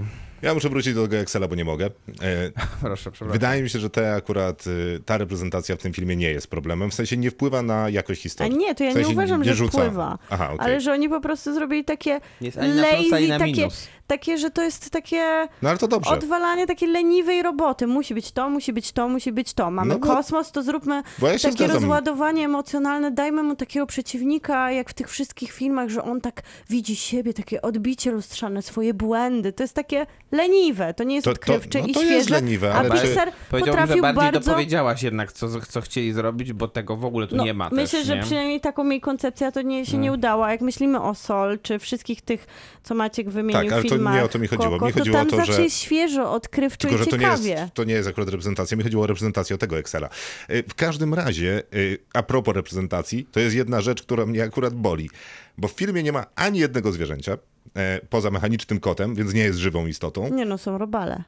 Okej, są robale, e, ale nie ma zwierząt, e, które normalnie kojarzymy pewnie z przemysłem e, mięsnym, ale jak mają zjeść kanapkę, to jedzą kanapkę z szynką. I w jaki sposób mnie to razi? Bo jednak jakby wszystko na tym świecie mówi, że ta szynka nie będzie istnieć. Oni lecą na inną, zupełnie obcą planetę i oczywiście jak jedzą kanapę, to jedzą ją z szyną. No Nie przecież... powinna istnieć, szczególnie, że wcześniej jedzą jakieś takie obiady Tak, jest e, z preparowane jedzenie, jakichś, tak, takich, dokładnie. nie? Tak, tak, Więc tak. no, tym bardziej, to prawda, tak. No. I- ten żart o tej kanapce z szynką i chlebie też jest e, stary i nudny i powtórzony właśnie. przez 15 Czerstwy. minut Gdzie sceny. jest kreatywność Pixara? Nie mogę tego zrozumieć. Pixara, który wiesz... No zawsze Ach. nas zaskakuje. Będzie Nie no, zawsze oceniać- Pixara, który zaskakuje. chociażby nie rozpisywał w ten sposób nawet postaci. W sensie nie rozpisywał postaci na przykład w taki sposób, że był, był w tych, przynajmniej nie, nie we wszystkich tych, e, tych filmach był taki oczywisty wilen jak tu. A wiecie, co to jest też dla mnie największy problem? Że ja im nie wierzę przy żadnym wyzw- wyznaniu emocjonalnym, które robią, a robią ich dużo i często i powtarzają je w kółko. Poza tym, przy którym się zalewałeś łzami. Oczywiście, ale tam też nie, żebym szczególnie im wierzyła, ale to, Nie, było, to, to było ładne, kiedy ona się z nim żegna. tak, tak było. Ale wszystkie te inne A tam fragmenty... się popłakałaś, tak, o mamo. Wszystkie te inne fragmenty, w którym jest powtarzane i po, o tym, jak budować swoje self, e, takie sam, Nie, nie wierzy wiarę się w to. Zupełnie to emocjonalnie nie Ile dasz wybrzmiewa. punktów, Miłka? Na 10. Za kotka dam trzy. O, to ja za kotka dam 4. I ja też cztery. Kinotok. Serial. No to czas na Disneya. Zrobiła na was y, wrażenie nowa platforma? Moim zdaniem y, Świetna. Jest super. wszystko tam chyba będzie działało. Co prawda ostatnio, Ja ostatnio miałem taki że- zły humor, że oglądałem na niej tylko współczesną rodzinę po raz 18 No, chyba. Okej. Po to są takie platformy czasami, żeby nas przykryć kolcykiem dobrego Oj samopoczucia. tak, tak. Tutaj- Potrzebowałem tego, trochę tego. kocyka dobrego samopoczucia to na Disneyu jest dużo Jest akurat. mnóstwo, ale bardzo dobra przeglądarka. W końcu masz też takie funkcje, które wydawało mi się, że jak na przykład HBO się będzie zamieniało w HBO Max i będzie nam dawało nową, tak, nową przeglądarkę na pewnym poziomie, bo budowaną na podobnej, no to nie dało tutaj na przykład, jak łatwo jest ustawić wielkość napisów. Co, co za oczywista, ale jakże Będąc trudno dostępna sprawa. Będąc uczciwym, Prime Video też ma taką opcję. Prime Video ma Nie, jedną to z też jest bardzo najlepszych dobra przeglądarka akurat. przeglądarek, jeżeli chodzi o platformę. Playerów może bardziej niż Y, przeglądarek. Tak, platform, tak. Mhm. Więc mamy tam zakładki, które się rozkładają na Marvela, Disneya, Pixara, National Geographic przy okazji i właśnie też mamy filmy Marvela. Stars jeszcze chyba, tak? Stars. Tak. Stars, tak. Mhm. Ja dzisiaj sprawdzałem, czego właścicielem jest Disney. Ja jestem, Wielu rzeczy. nie, ale ja jestem Pół w szoku. świata. Jestem naprawdę trochę w szoku, bo wiemy, że jest właścicielem LucasArt, czyli tej firmy, która ma y, licencję na wszystkie Gwiezdne Gwiezdne Wojny. Wojny. Mhm. Jest właścicielem Marvel Entertainment, y, czyli no, najlepiej zarabiających filmów na Tam świecie. Z niektórymi rzeczami się musi z Sony podzielić, dlatego nie mam na przykład Spidermana, ale... Ale to jest problem by jakby się, Marvela, Tak, nie? kto by się z tym przejmował. Tak, nie ma to jakiegoś wielkiego znaczenia, bo oni się tam dogadują jakoś Mhm. na te filmy jednak, dzielą się kasą, czy jakoś tam dają radę. Mają Pixara, o którym przed momentem rozmawialiśmy, który jest no, znakomitym studiem animacji, niezależnie od tego, jak I wypadł generuje Bas Astral. zawsze, i zawsze Jak generuje Oscara. ostatni film, no. Tak zawsze jest. generuje Oscara. No mają przecież te swoje y, Walt Disney Animation Studio, Mhm. które też robi znakomite animacje. W 2019 roku, ja trochę o tym zapomniałem, ale oni kupili 20th Century Fox, y, Tak, czyli firmę, która dała światu Awatara, dała światu Titanica, czyli dwa z pięciu najlepiej zarabiających filmów w historii filmów. I mają jeszcze y, Searchlight Studio, bodajże się to nazywa, Searchlight w każdym razie, który z kolei, jak sprawdziłem, otrzymał w historii 164 nominacje do Oscara. I 44 wygrał, w tym 5 dla najlepszego filmu. Do tego mają E ESPN, ABC, 20 parków rozrywki, Hulu Który robi bardzo dobre produkcje. i diabeł wie co jeszcze. No bardzo dużo. I w, na tej platformie są poza tymi wszystkimi rzeczami, które wymieniłeś, jeszcze są takie rzeczy, których w Polsce w ogóle nie było. Jak Josh Whedon Jak- i Buffy Postrach Wampirów. Akurat było. Nie, nie było tego. Nigdzie nie było.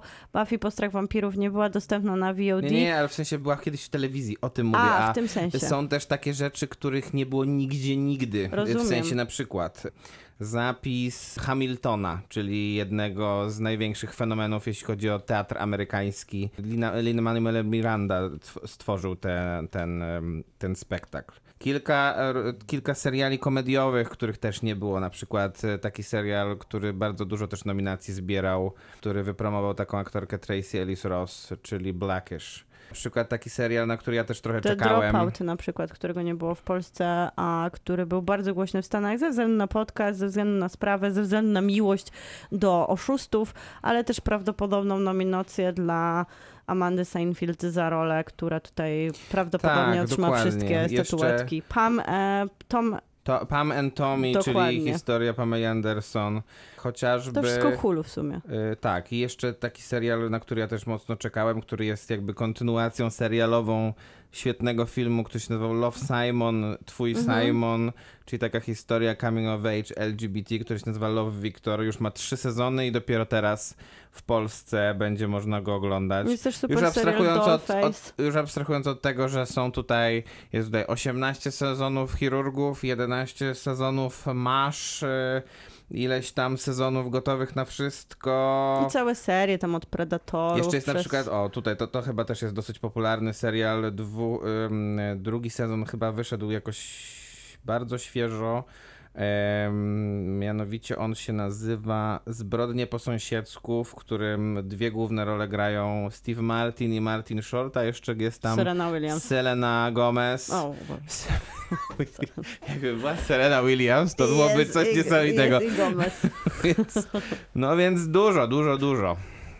Dużo do nadrabiania, Dużo bo do też, nadrabiania. e, co Nie- ciekawe, Disney wychodzi w tej formule jak HBO, czyli serial ma odcinek co tydzień, w takie dosyć coś, co rozbił Netflix, ale daje taki oddech. No jednak nie nam, bo czekaliśmy kilka lat, no dwa lata ponad na to, żeby Więc pojawił niektóre się rzeczy wchodzą z dwoma Tak. sezonami albo trzema jak już. Mandalorian na przykład. Tak, ale efekt jest taki, że y, trochę brakuje tego wydarzenia, Mhm. kiedy te poszczególne tytuły wchodzą, kiedy świat o nich Tak. rozmawia.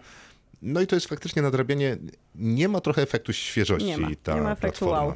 Bo to o tym wszystkim już słyszeliśmy. Poza tym Przetoczyło się przez media, nasze media społecznościowe i przez nasze rozmowy pewnie też, na przykład kiedy ten Disney tu wejdzie od Pomyślmy dwóch sobie lat. o Wandzie Vision, którą będziemy recenzować. Ona zdążyła już w tym czasie mieć w tej fazie ko- film, który ją uzupełnił, czyli Doktor Strange w multiversum obłędu. I trochę jest to takim smutnym elementem, że my nadrabiamy coś, co już e, się kontynuuje w tej filmowej odsłonie Akurat Marvela. dzięki temu to rozumiemy choć- w końcu, E, e, dlaczego, motywację dlaczego em, Elizabeth Moss, która krzyczy Elizabeth Olsen, czyli Elizabeth Olsen, e, ale Elizabeth, Elizabeth Olsen, Moss czyli. Wanda Maximoff, dlaczego się tak, a nie inaczej zachowuje w em, właśnie Doktorze Strange. Tak, ale akurat w tej roli Elizabeth Moss też by sobie świetnie poradziła, Aczkolwiek bo Elizabeth często Olsen radzi sobie też znakomicie. obsadzają w takich rolach, w których e, no, muszę dużo wycierpieć Cierpi. niestety. Cierpiąca aktorka, to prawda. Y, No, takie ma y, postaci y, do grania. Mhm. WandaVision. y, Rzecz jest y, ciekawa, bo wydaje mi się, że Marvel jednak sobie całkiem ciekawie wymyślił te seriale. Y, Jako, że jestem już po tym i po Lokim, a także po części Moon Knighta, A nie po, też po Winter Soldieru. Po bardzo małej części, Mhm. to efekt jest Jeszcze jest Hawkeye, więc to jest chyba, to jest, to jest Tak. chyba teraz piątka, która istnieje Marvelowych to rzeczy, możemy tak? sobie pominąć. tak, ale tego nie dotknąłem. No te, to możemy pominąć, aczkolwiek jest to serial, jest, w którym, jest, w którym występuje Piotr Adamczyk. Więc, tak, to prawda. Więc o tym przynajmniej trzeba wspomnieć w tym kontekście, no Co bo jednak, tego- e, jednak on, jak, się- jak ten serial zaczął się pojawiać, to on się stał strasznie memiczną postacią dzięki Tak, temu. i nie? również występuje w serialu For All Mankind, który właśnie trzeci sezon się rozkręca. Co do tego, że jest To to, bad timing, tak. to Hawkeye się pojawił w święta w Stanach Zjednoczonych, co miało sens jakby z takim klasycznym uniwersum filmów świątecznych, gdzie A, dużo się dzieje, special, e, tak, gdzie może jest bardziej wszystko nawet. dokładnie i teraz oglądanie tego w lecie w Polsce, no może mieć No ale to trzeba porozmawiać z panem, który się nazywa Bob Czapek który jest, Jest szefem C-. CEO Disneya. Em, I to e, i, i ta decyzja o wprowadzeniu Disneya do Polski, ale nie tylko do Polski, bo to chyba nie tylko w Polsce się w tym konkretnym No, Już prawie okresie wszystkie pozostałe kraje zna, pojawił, no to nikt nie rozumie chyba tej decyzji za bardzo, że tak długo czekali. To prawda. Natomiast y, po obejrzeniu tych wybranych y, odcinków, czasami seriali z oferty marvelowskiego Disneya, no mam takie wrażenie, że jednak oni mieli bardzo konkretny koncept na to, że będą bawić się dużo formą i gatunkiem opowiadania tych seriali, ale niespecjalnie te seriale i ich opowieści mają wpływ na uniwersum. W sensie to filmowe uniwersum Marvela w tym momencie przez y, multiversum, przez przenoszenie się w czasie jest bardzo skomplikowane. Myślę, że dla scenariuszy jest tam też dużo roboty, żeby po prostu nie pisać już takich sprzeczności, głupot. Żeby było sensowne. Tak jest, bo fandom jest bardzo czujny. No więc te seriale, mimo że opowiadają przecież się w tym samym uniwersum, to jednak stoją troszkę z boku. I Wanda Ale Vision nie wydaje... wydaje ci się, że WandaVision właśnie wpływa przynajmniej na odbiór bohaterki w Doktorze Strange'u, dodaje jej te, no, to... Rozumiem jej Tak, motywację, no, ale bo... co, co sporo zmienia dla jednak e, Tak, dosyć i- sporo jest krzyku, który jest mało motywowany w Doktorze Strange'u. Tak, to prawda. Elizabeth Olsen. Tak, to wszystko prawda. Natomiast to jest super robota dla, dla serialu, żeby pogłębiać jakąś tam... Takie origin story prawdziwe robić.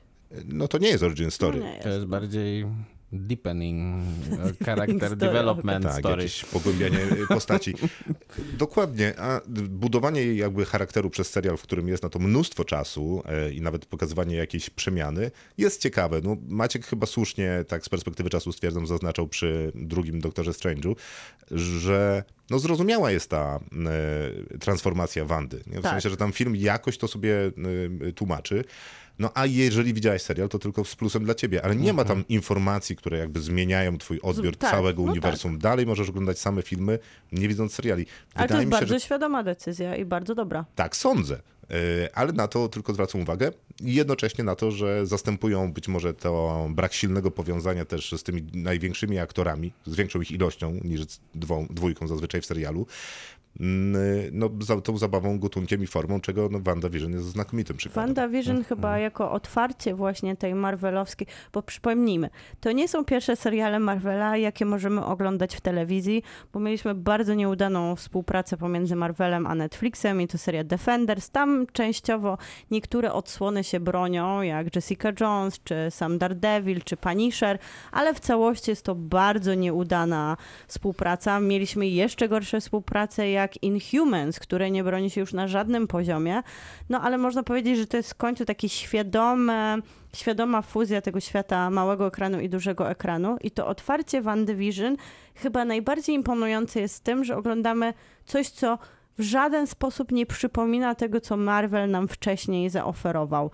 I to chyba było największym zaskoczeniem, że to otwarcie uniwersum, które jest nam już takie swojskie, takie znane, które jak mówiłeś o Pixarze, który się opiera na dobrych, sprawdzonych i zgranych motywach, tak samo Marvel się na nich opiera i zawsze nas zaprasza do pewnego widowiska, które jest zbudowane na podobnych zasadach i zawsze działa, to nagle dostajemy WandaVision, która zupełnie jakby odbija od tych zasad. Wprowadza też bardzo te, taką powolną, slow burnerową narrację w kontekście tego, że jednak Marvel jest widowiskiem i wydarzeniem i pokazuje nam, że coś, co teraz wydaje mi się bardzo wartościowe w kontekście tym wojen streamingowych i tego, jak dużo produkcji oglądamy.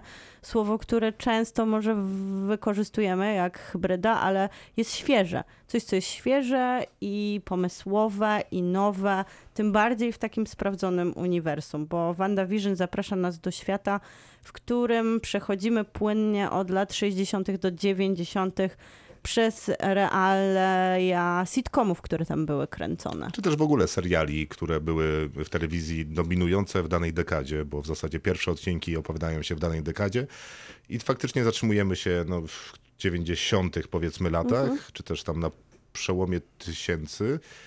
Yy, I to jest fajny pomysł. Natomiast y, mnie męczył na początku, później, kiedy historia ruszyła nieco szybciej, no to y, trudno było odrzucić zainteresowanie. Problem polega na tym, że ten koncept na skakanie z odcinka na odcinek w epokę kolejnych y, telewizji, mimo że zrobiony jak kompletny majstersztyk y, od początku do końca, to on się wywala dla mnie gdzieś w momencie, w którym poznajemy głównego przeciwnika Wandy i, Możemy chyba o może tym mówić, bo ponieważ e, Wychodzi na to, że- że WandaVision jest zamkniętym serialem, ponieważ nie będzie miała swojej kontynuacji, za to Katrin Hanna dostanie swój spin-off, Agata House of Harkness i to będzie serial, który będziemy oglądać, więc Okej, ciężko to zrobiłaś to za mnie, więc Agatha Harkness, y, kiedy się pojawia, mam, mam wrażenie, że ten y, serial trochę zmienia kategorię. No Z, to jest y, ostatnie dwa odcinki tak naprawdę. To jest tak, taki Ten- grand finale trochę po No idąc myślą Nie macie tak- Marvela. W sensie jest, Nie- to, jest to takie już rzeczywiście sztampowe. to Chociaż, jest tandetne. ale, natomiast, tak, Ale jesteśmy w latach, natomiast, wiesz, Nie. jest, jesteśmy trochę w takiej Nie. konwencji zmyślonego miasteczka, żony Stepford, nie, ze no a pod Stepford koniec już nie lata jesteśmy, 90. ale, y, ale y, no Katrin Han jest rewelacyjna.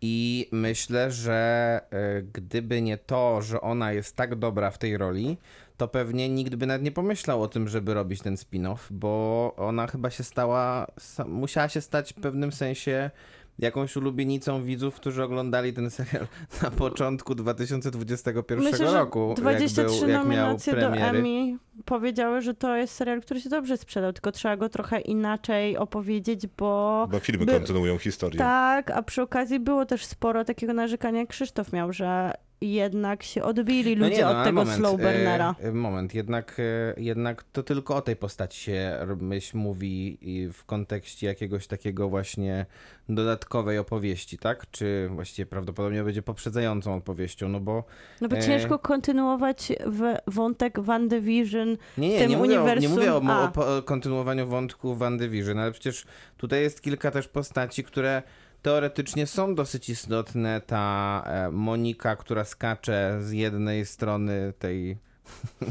tej tego Bariery, po, powiedzmy. pola y, y, jakiegoś energetycznego na drugie co chwilę. No to o niej też teoretycznie mógłby powstać serial, gdyby, gdyby ktoś chciał go zrobić, tylko że nikt nie będzie chciał też go oglądać, a myślę, że postać o e, czarownicy mm, e, Agacie Harkness będzie, będą ludzie chcieli oglądać i to jest prawdopodobnie główna zasługa e, tej Katrin Han. Może tak być, chociaż trochę mi się z Sabriną e, kojarzy. Bo tu chyba to jest e, świadomy zabieg, że tych odwołań, zwłaszcza te takie jaskinie, te czarownice, to jest, e, był taki też serial, który się nazywał Charmed, który miał bardzo brutalny powrót współczesny, zupełnie niepotrzebny. Był taki Bo sa, sa, Sabrina się s, sprawdziła w tym powrocie, w sensie została przez sporą część fanów polubiona, chociaż oryginał jest dużo lepszy. To tutaj właśnie wydaje mi się, że ten kicz jest świadomy w odwołaniu do takiej telewizji, która opowiadała nam o magii e, naszego dzieciństwa. Ja I wiem. ona to robiła na maksa kiczowato. Ja wiem o co ci chodzi i tak faktycznie było, ale nie jestem pewny, czy ktoś nie pomieszał porządków akurat w tych finałowych dwóch odcinkach, bo one jednocześnie próbują być epickie w rozmachu Marvelowe Wandy. Prostu. Tak, Marvelowym, a jednocześnie kiczowate w tym takim Sabrinowym. I sama Agatha Harkness w tej swojej jaskini, kiedy mierzy się z y, Wandą, to jest bardzo przyjemnie zrobione. Natomiast kiedy, wiesz, wylatują i tam lewitują i prowadzą wojenkę, To już nie jest dobrze. to naprawdę jest, wydaje mi się, nie wiem, to stylistycznie nawet nie siedzi. Ja, ja kupuję Mhm, ten, ten się. pastisz z seriali jako formułę, że wtedy nie było pieniędzy, więc wszystko wyglądało właśnie, tak jak- jeżeli wychodziło jak ci spoza pułapu powiedziałem, ziemi. Ja widzę tę informację próba, a uważam, że to jest po prostu nieudana próba. Y, Natomiast te wcześniejsze są udane, mimo że, Bardzo. Mimo, że Bardzo. nudzą mnie nie, niemożliwie No bo, momentami. no bo ciebie, no bo d- pewnie do ciebie nie trafia taka konwencja sitcomu jednak, tak? Y, W sensie mi się najbardziej podobały Nie, te, no te trafia, tylko- otwierające. Mi też się najbardziej podobało. Mm, Te pierwszy i drugi prawdopodobnie, te, które jeszcze nie były koloryzowane, bo tam ten sitcom w takim starym stylu był rzeczywiście bardzo fajnie uchwycony. E, to mógłbyś się na przykład Aaron Sorkin nauczyć, w jaki sposób chwyci, jaki sposób pokazywać sitcom z tamtych czasów. E, i pokazać go w filmie o Lucille Ball bardziej niż e, i lepiej, bo tutaj jest lepiej pokazany po No je- prostu, Tak, ale wymyślony zupełnie od zera. Tak, ale gdybym dostał historię Lucy Ball w, opowiedzianą tak, jak zostały opowiedziane pierwsze odcinki WandaVision, to bym był bardziej zadowolony, bo dokładnie. brakuje mi O tym historii. mówię. A, w, Mhm. a nie, no ale to formalnie to ja nie mam żadnego zarzutu do tego, jak Mhm. oni kopiują te gatunki w zasadzie w żadnym z tych odcinków, bo robią to super. Ale Robią to super, zaskakująco ale na jest- przykład, nie uważasz, że zaskakujące jest jednak trochę to, że, Elizabeth Olsen jest w że taka Elizabeth dobra? Olsen Nie. ma super timing komediowy. Aha, nie.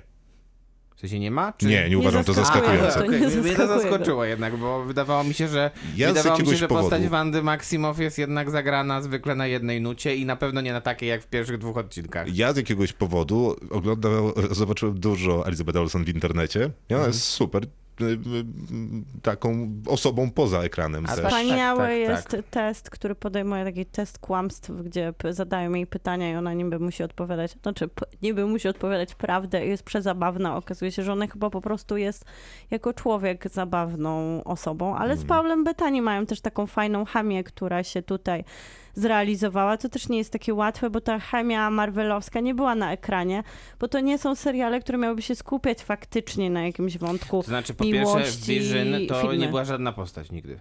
To prawda. Znaczy ja uważam, że oni mają jakiś, jakąś relację zbudowaną w pierwszych Avengersach. E, Znaczy w trzecich, w pierwszej części trzecich No taka za, za, zaznaczona wykrzyknikiem. Kochamy się, jesteśmy ze sobą blisko. Jeżeli się stracimy, że- to skończy się świat. Wydaje mi się, że jednak tam było trochę e, subtelności, wiesz, jak na ten film, który opowiadał o wielkiej Okej. bitwie superbohaterów, to mieli te 5 minut w Sztokholmie, czy gdzie oni tam byli. Ale myślę, że tutaj naprawdę Ja pokazują, Tutaj że się dzieją między nimi rzeczy. Mieli tu jednak troszkę Ale więcej niż 5 minut. Ta historia, o której mówisz, że jej brakuje, to wydaje mi się, że samą historią jest trochę opowiadanie o tym kontekście telewizji z tamtych lat, czyli bawienie się nie tylko gatunkiem, ale takim pokazywanie Ameryki w kontekście Ja społeczno-gospodarczym, Ja roli ja kobiet. wiem, ale ja nie byłem w muzeum. Do... Nie odczuwałam tego może ani przez sekundę jako muzeum, bo jest to, tak jak powiedziałeś, tak świetnie zrealizowane, tak dobrze napisane. Kto Tutaj powiedział, że ten- Muzeum Telewizji miałoby być jakieś złe? No, wyobrażam sobie go w wydaniu No, polskim jako Sorkin na problematyczną to sytuację. Albo, tak jak Maciek mówi, Aaron Sorkin. Aaron Sorkin jednak nie pokazał go On najlepiej. w wielu wypadkach tego odtwarzania, zwłaszcza tamtego z poczucia powodów muzealnych hu- było humoru. naprawdę super. Słuchajcie, musimy jakoś puentować. Y, Ja daję 9 na 10. Okej, ja dam 7 na 10. Ja daję 9 na 10. Kinotok. Serial.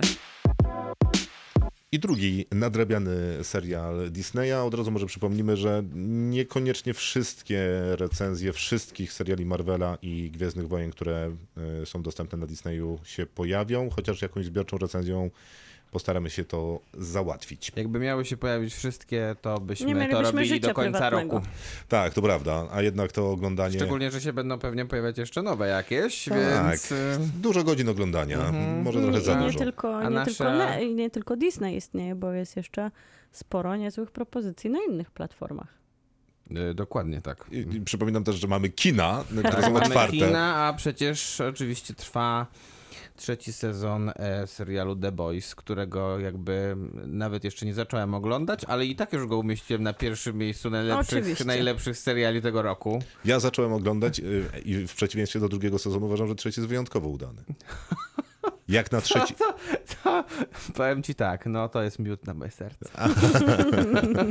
Więc jak dasz mu, wiesz, 10 na 10, to od razu... Co już zrobiłem No to w ja- sercu moim.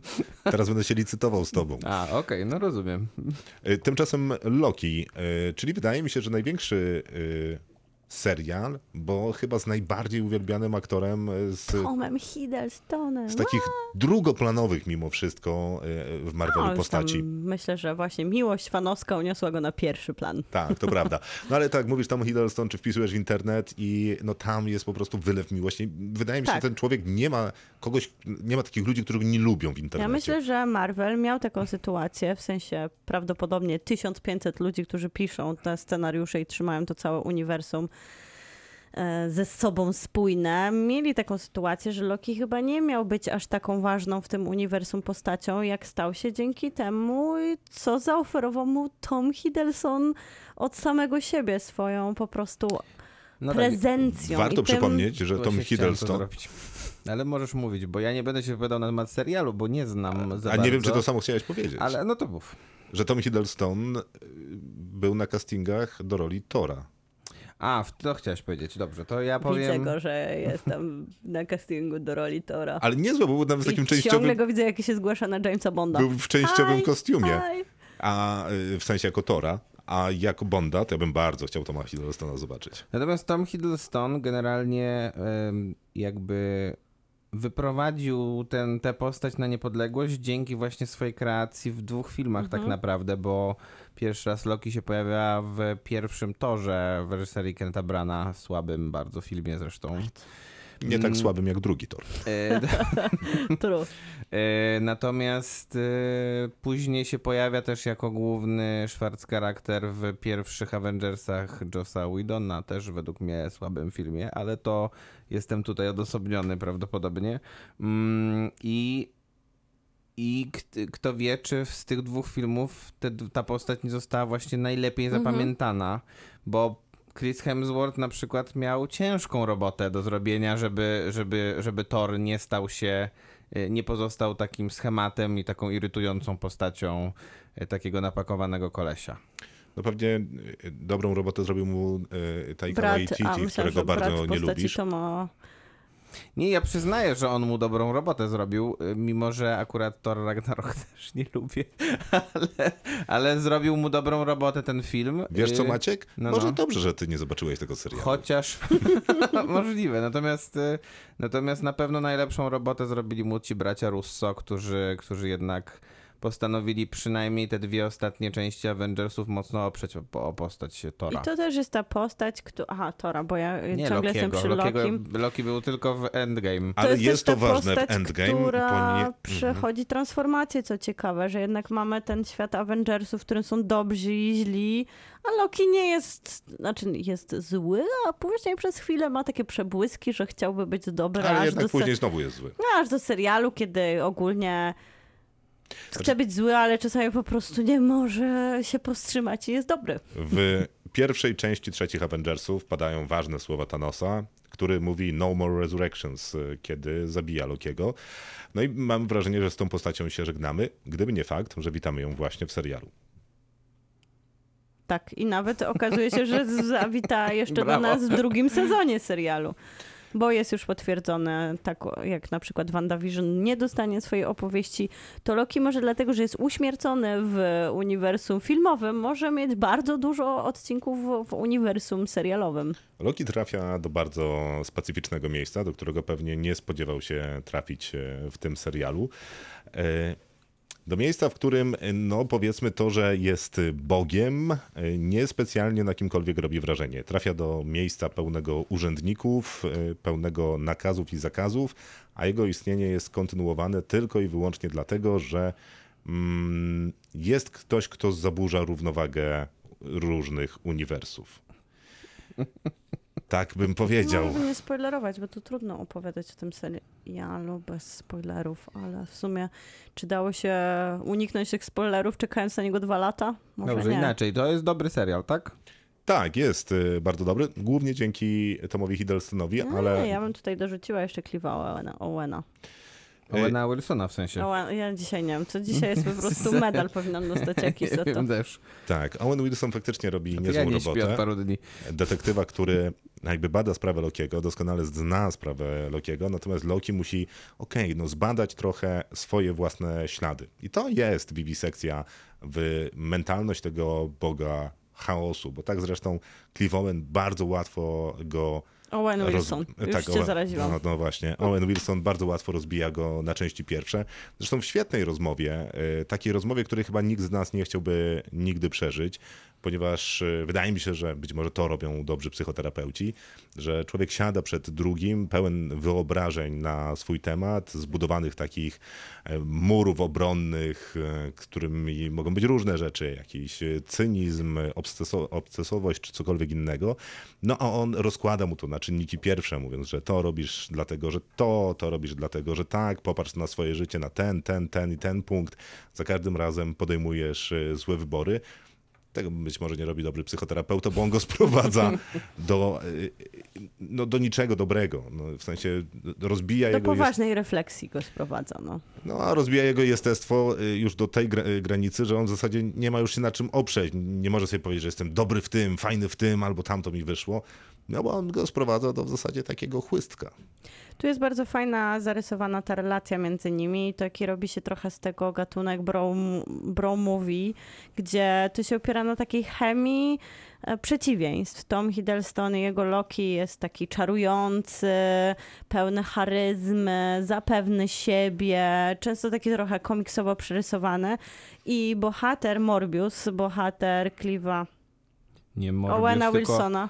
Tylko Mobius. To jest dzisiaj. ważna różnica, wydaje mi się. Jest ważna. Jest takim z jednej strony gburem trochę, trochę wycofany, bardziej zajmujący się obserwa- obserwacją, a z drugiej strony z takim wspaniałym, cynicznym poczuciem humoru i też ma w sobie taki kreskówkowy element, bo wydaje mi się, że w ogóle Loki ma sporo miłości do oryginałów, czyli do komiksów w sobie, dużo więcej niż Marvel w pewnym momencie, budując swoje uniwersum.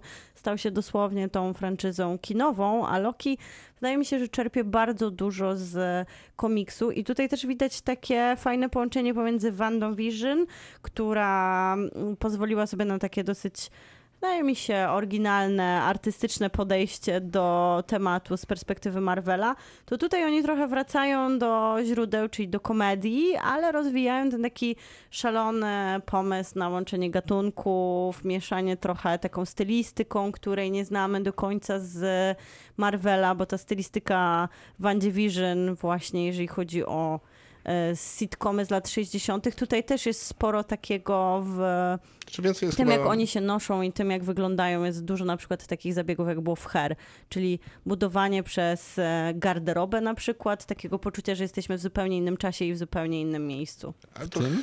Czym? W Her, Spike Lee. Tam oni nosili... Jonesa.